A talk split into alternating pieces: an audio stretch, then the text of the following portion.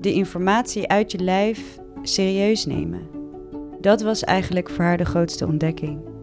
En dat heeft zoveel indruk op mij gemaakt. Een doel niet hoeft te zijn om die pijn weg te nemen, maar het herstellen van een veilige verbinding met iemands lichaam. Welkom bij een nieuwe aflevering van de Massage Podcast. Massagetherapie bij mensen met chronische pijn. Waarom is dat een goed idee? Hierover gaat deze nieuwe aflevering van de Massage Podcast. Het gast is Nadia El Hellou. Nadia is massagetherapeut en studeerde onlangs af aan de Holos Academie. In haar afstudeeronderzoek met als titel De Veilige Verbinding onderzocht ze wat de waarde is van massagetherapie voor mensen met chronische pijn. Nadia houdt haar massagepraktijk De Vrije Venen in De Hoef. Nadia, wat leuk dat wij samen deze podcast gaan opnemen. Ja, heel leuk. Heel leuk. We gaan het hebben over massagetherapie voor mensen die al heel lang chronisch onverklaarde pijn hebben. Ja. Waarom is massagetherapie bij mensen met chronische pijn gewoon een goed idee? Ehm, bij mensen met chronisch pijn uh, is massagetherapie een goed idee om, nou misschien wel de eerste voornaamste reden, om het lichaam te voelen met een open, nieuwsgierige blik. Zonder eigenlijk uh, direct een oordeel erover te hebben. Over de pijn, maar ook over delen die niet pijn doen. We hebben het veel over pijn in deze podcast, maar wat is pijn letterlijk? Uh, pijn is een signaal dat alleen maar vanuit je hersenen wordt gegenereerd. Wanneer dus uh, voor jouw hersenen, uh, voor jouw overleving van belang is dat jij um, tot actie overgaat. je snijdt je in je vinger of ehm, je, je komt te dicht bij een, ja, een, een, de weg waar auto's rijden of... Uh, je hebt te veel alcohol gedronken. Dat is ook een mogelijke manier dat je lijf pijn genereert. Van jij moet gewoon nu even plat gaan liggen, want ik ben heel druk bezig. Um, allerlei, uh, allerlei mogelijke soorten pijn die je lijf kan genereren, maar eigenlijk alleen met het doel word je bewust van deze dreiging. En pas je gedrag aan. En pas je gedrag aan, Haal ja. je handen doe, weg doe er iets aan. Doe ja. er iets mee. Ja, want Ja. anders dan hebben we problemen. Ja, ja, Ja. Dat is letterlijk pijn. ja. Maar wanneer spreken we dan van chronische pijn? Want daar heb Ehm, jij het over. Ja. Ehm, in principe heeft je lijf ehm, voor elke mogelijke fysieke schade maximaal drie maanden nodig eh, om te herstellen. Dus letterlijk weefsels die schade hebben opgelopen, die zich dan weer herstellen. En wanneer ehm, er daarna nog pijn wordt ervaren, dan is er vaak sprake van een onderliggende, onbewuste bedreiging. Ja, al dan niet eh, werkelijk. Het kan ook een emotionele dreiging zijn of een emotionele pijn, eh, een emotionele angst die door je hersenen op ja, dezelfde manier worden verwerkt als fysieke pijn. Vertel eens, kun je daar een voorbeeld van geven? Ehm, ja. Eh, ik heb een cliënt die een eh, paar maanden geleden een auto-ongeluk heeft gehad. Ehm, er is een auto van achter op hem ingereden, eh, die hij niet had zien aankomen. Dus echt grote schrik. Ehm, hij had rugpijn, nekpijn, aan één kant van zijn lichaam vooral heel erg. Ehm, en eh, inmiddels, zo een tijdje verder, heb ik met de fysiotherapeut gesproken die hem behandelt. Die zegt van nou, eigenlijk alles in zijn nek is weer helemaal goed, helemaal hersteld. Hij heeft de complete mobiliteit. Ehm, maar zijn zorgen over eh, hoe het gaat in zijn nek, zorgen eigenlijk voor spanningen in de spieren rondom zijn nek. En in zijn geval ook echt vanuit zijn onderrug. Ehm, dat hij, koste wat kost, zijn nek wil beschermen. En zichzelf tegen de pijn. Dus eigenlijk die verkramping zorgt ervoor dat daar aanhoudende spierspanning, statische spierspanning rondom die nek ontstaat. En daarmee krijgen zijn hersenen constant signalen. Er is daar iets aan de hand. Want ik ben daar de hele tijd gespannen. Dus dat is een reden voor je, voor je hersenen om op, ook op die plek pijn te genereren. Want je hersenen nemen die signalen waar vanuit je lichaam. Dat daar rondom die nek heel veel spanning ontstaat. Dus, ja, dus dan ligt iemand bij mij op de massagetafel. En uh, dan kan ik heel simpel eigenlijk uh, laten voelen de, de, de, de subtiele verschillen in spanning en ontspanning. Misschien niet direct in zijn nek, maar op een andere plek in zijn lijf. Um, en het verschil tussen een onaangekondigde aanraking en eentje waar je helemaal op voorbereid kan zijn. Hè? Bijvoorbeeld, vertel jij maar waar ik mijn hand mag neerleggen. En wat in, die, uh, in die tijd waarin mijn hand er nog niet werkelijk is, wat gebeurt er in jouw afwachting op die aanraking? Het zijn allemaal zo van die hele subtiele verschillen. Hele subtiele signalen die je lichaam constant aan, je, aan het doorgeven is. En waar jij dus bewust op kunt inhaken. En vaak met cliënten, wanneer het dus gaat over uh, bedreiging, is er in hun lichaam ook heel sterk een bescherming te vinden, een beschermer. Um, en laatst had ik um, een vrouw op de tafel die dus bij een heel kwetsbaar en gevoelig gebied in haar buik terecht kwam, hè, die ze echt als, als onrustig ervaarde. En ik zag haar schouders omhoog trekken, terwijl we daar dus respectvol afgestemd bij waren.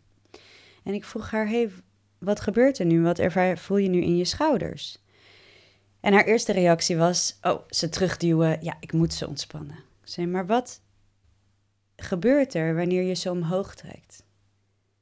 kun je je daarop intunen? Wat, wat, wat doen ze daar, die schouders? Zij zei, ja, eigenlijk wil ik daarmee mezelf afsluiten, beschermen. Want dit is een heel eng en spannend gebied waar we nu in terechtkomen. Misschien een heel oude pijn. En dan verplaatsen we hè, zo nodig onze aandacht naar die beschermers. Want die zijn er waarschijnlijk sinds de eerste bedreiging ook al bij geweest. Hè? Dus daar zit ook enorm veel informatie in. Als ik bijvoorbeeld merk uh, dat er veel weerstand is tegen die bescherming, omdat je nu dus echt um, heel erg bij je buik bezig bent en daar ook heel nieuwsgierig naar bent, kunnen we zelfs eerst die weerstand gaan aanspreken. Mijn schouders doen dat altijd. Ik ben dat zat. Nou, dus zo is, er, zo is er telkens weer iets. En op het moment dat je zo met z'n tweeën um,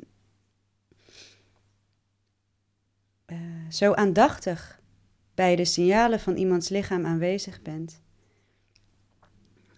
is, is, is eigenlijk de lichaam het de leider. En wat iemand dan zelf opmerkt. En waar er op dat moment ruimte voor is. Wat voor, wat voor inzicht kwam er bij deze cliënt dan naar boven in relatie tot het hebben van die chronische pijn? Um, dat er eigenlijk een constante dreiging aanwezig was van uh, het niet goed doen.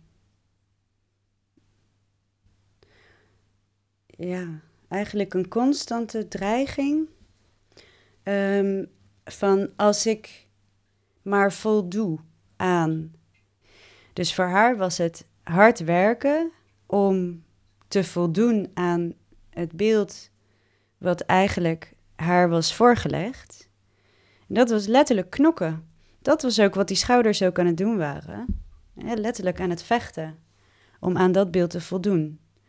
En iets wat er telkens maar weggeduwd werd, wat dus niet oké was, dat zorgde voor een onbewegelijkheid in de rug. Een onbewegelijkheid, want dat mocht daar juist niet stromen. Dat moest echt juist stil en onderdrukt blijven. Pijn is um, natuurlijk echt typisch een fysieke uh, sensatie. Ja. En massagetherapie is een lichaamsgerichte therapie.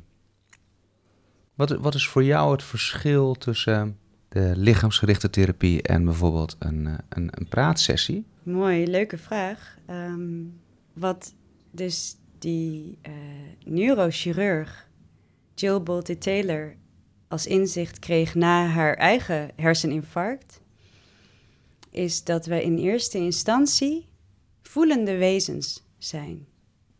Die kunnen denken. Zo van als een bijkomstigheid of zo kunnen wij dingen uit het onderbewuste of onbewuste naar ons bewustzijn brengen. En daar kunnen wij over nadenken, op reflecteren, hè, van een afstandje naar kijken, dingen uiteenzetten. Um, maar ja, in, in uh, het grootste deel van onze hersenen ook is de hele tijd bezig met voelen. allerlei informatie van buiten ons en binnenin ons aan het verwerken. En op het moment dat wij dus onze aandacht bewust daarop inhaken. Wat wordt hier nou gevoeld? Uh, zonder daar in eerste instantie een oordeel over te hebben of iets van te vinden, maar gewoon puur een sensatie voelen, waar laten zijn en volgen wat er daarna te voelen is. Dat is een soort van uh, houvast een, een, een wereld op zich die niet, hè, die is niet, die is onontkenbaar. Ja, je, je zegt het is een vorm van houvast. Ja. Dus je voelt en ervaart bij jezelf een vorm van houvast. Waarvan ik me kan voorstellen dat het heel fijn is als je de hele dag wordt belaagd met pijn. En je gewoon niet meer weet wat je moet doen en je ook bij de huisarts komt en de specialist en die ook maar tegen jou vertelt, ja, alle uitslagen van de onderzoeken zijn goed. Ja. We weten het eigenlijk niet. Ja. Massagetherapie brengt je in contact met een vorm van houvast in jezelf? Ja, en uh, ik denk ook een houvast die dus ook niet vaststaat. Het is, het is het contact met je lijf wat houvast kan bieden. Ja, ik ben hier. Ja, ik voel dit. Ja, uh, het is misschien een prettig of een onprettig gevoel. Maar het is ook in beweging, het is ook in verandering. Dus eigenlijk dat contact met je lijf wordt een houvast.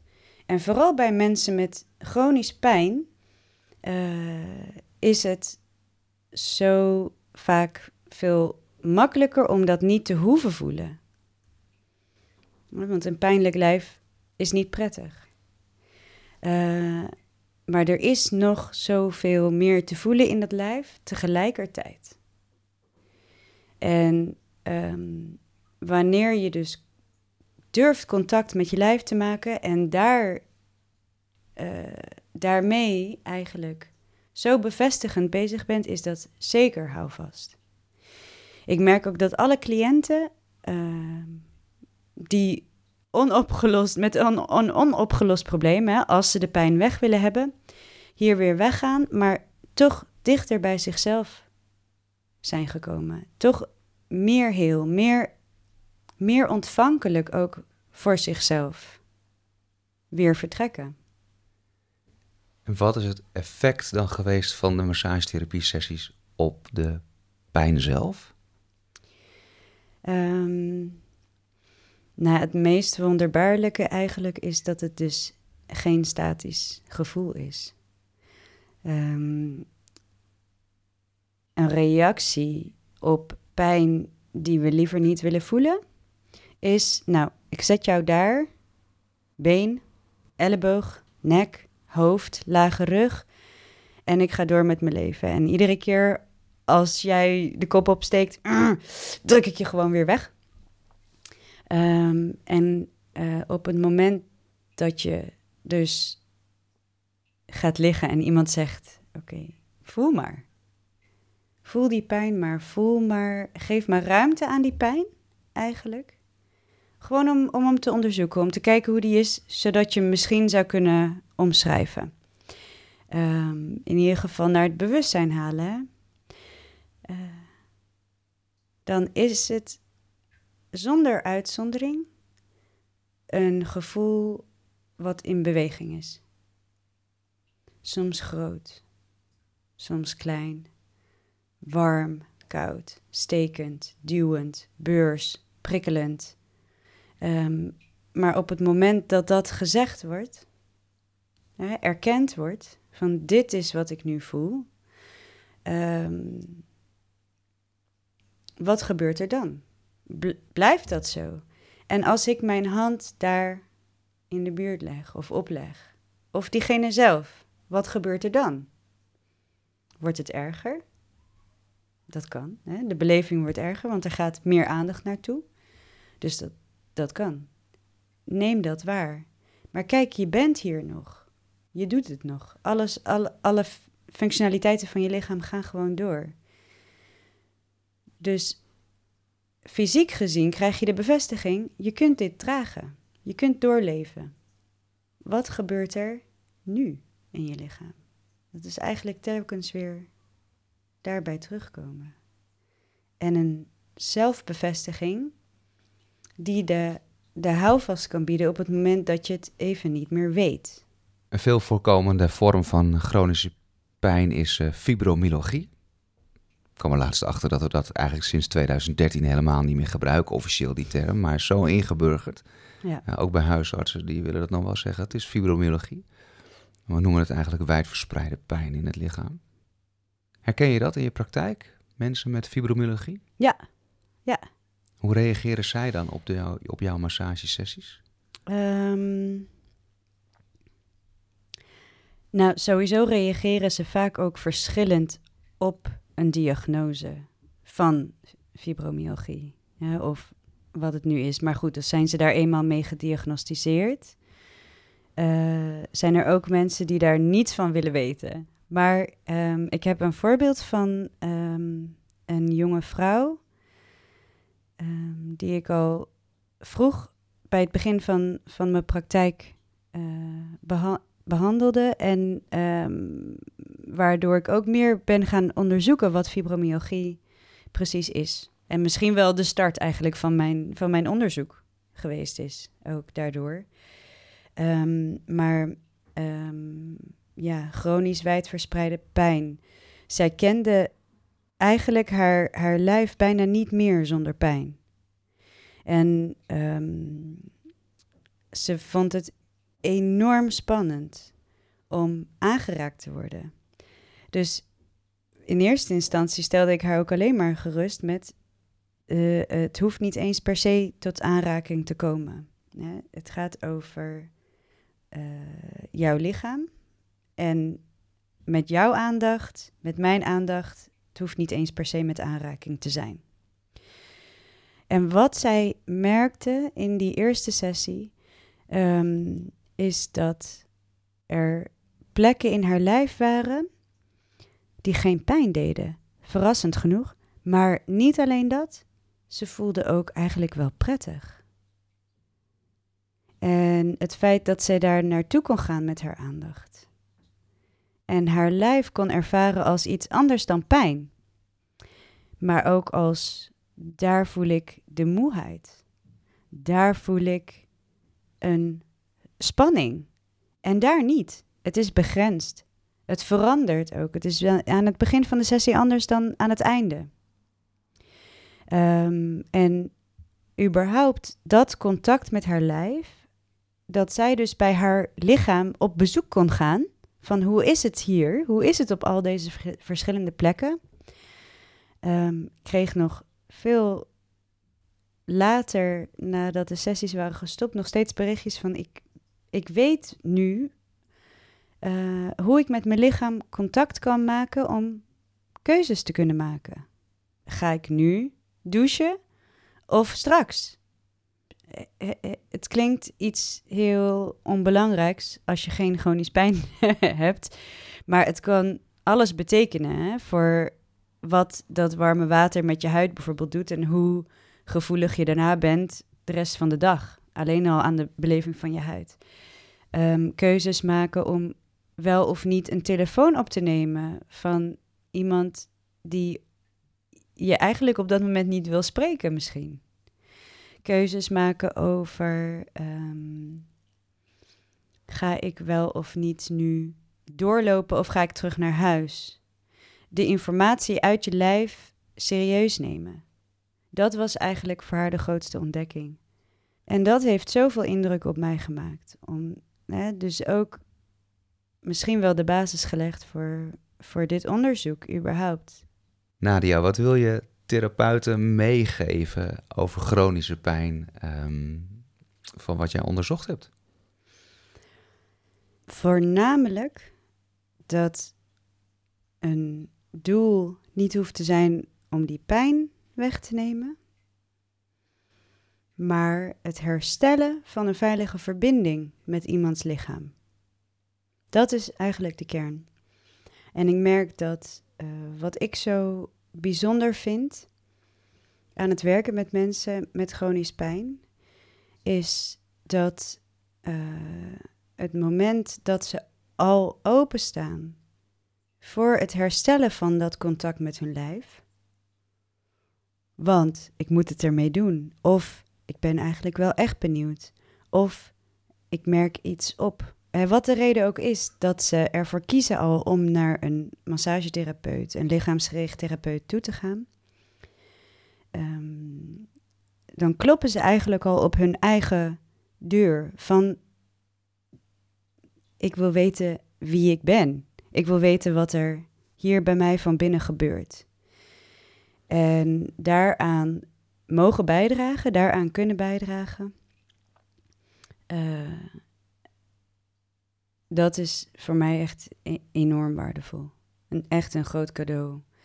Uh, en wat ik zou meegeven als er iemand met chronisch pijn komt, is dat wat er ook gevoeld wordt, um, besef dat het moment dat uh, je pijn voelt, dat dat er eigenlijk voor is bedoeld om je bewust te worden van wat jou nou bedreigt. Dankjewel Nadia voor dit gesprek. Heel graag gedaan. Tot zover deze aflevering van de Massage Podcast. Alle informatie en contactgegevens vind je op de website massagehelpt.nl. Voor nu, dank voor het luisteren en veel plezier met een volgende aflevering van de Massage Podcast.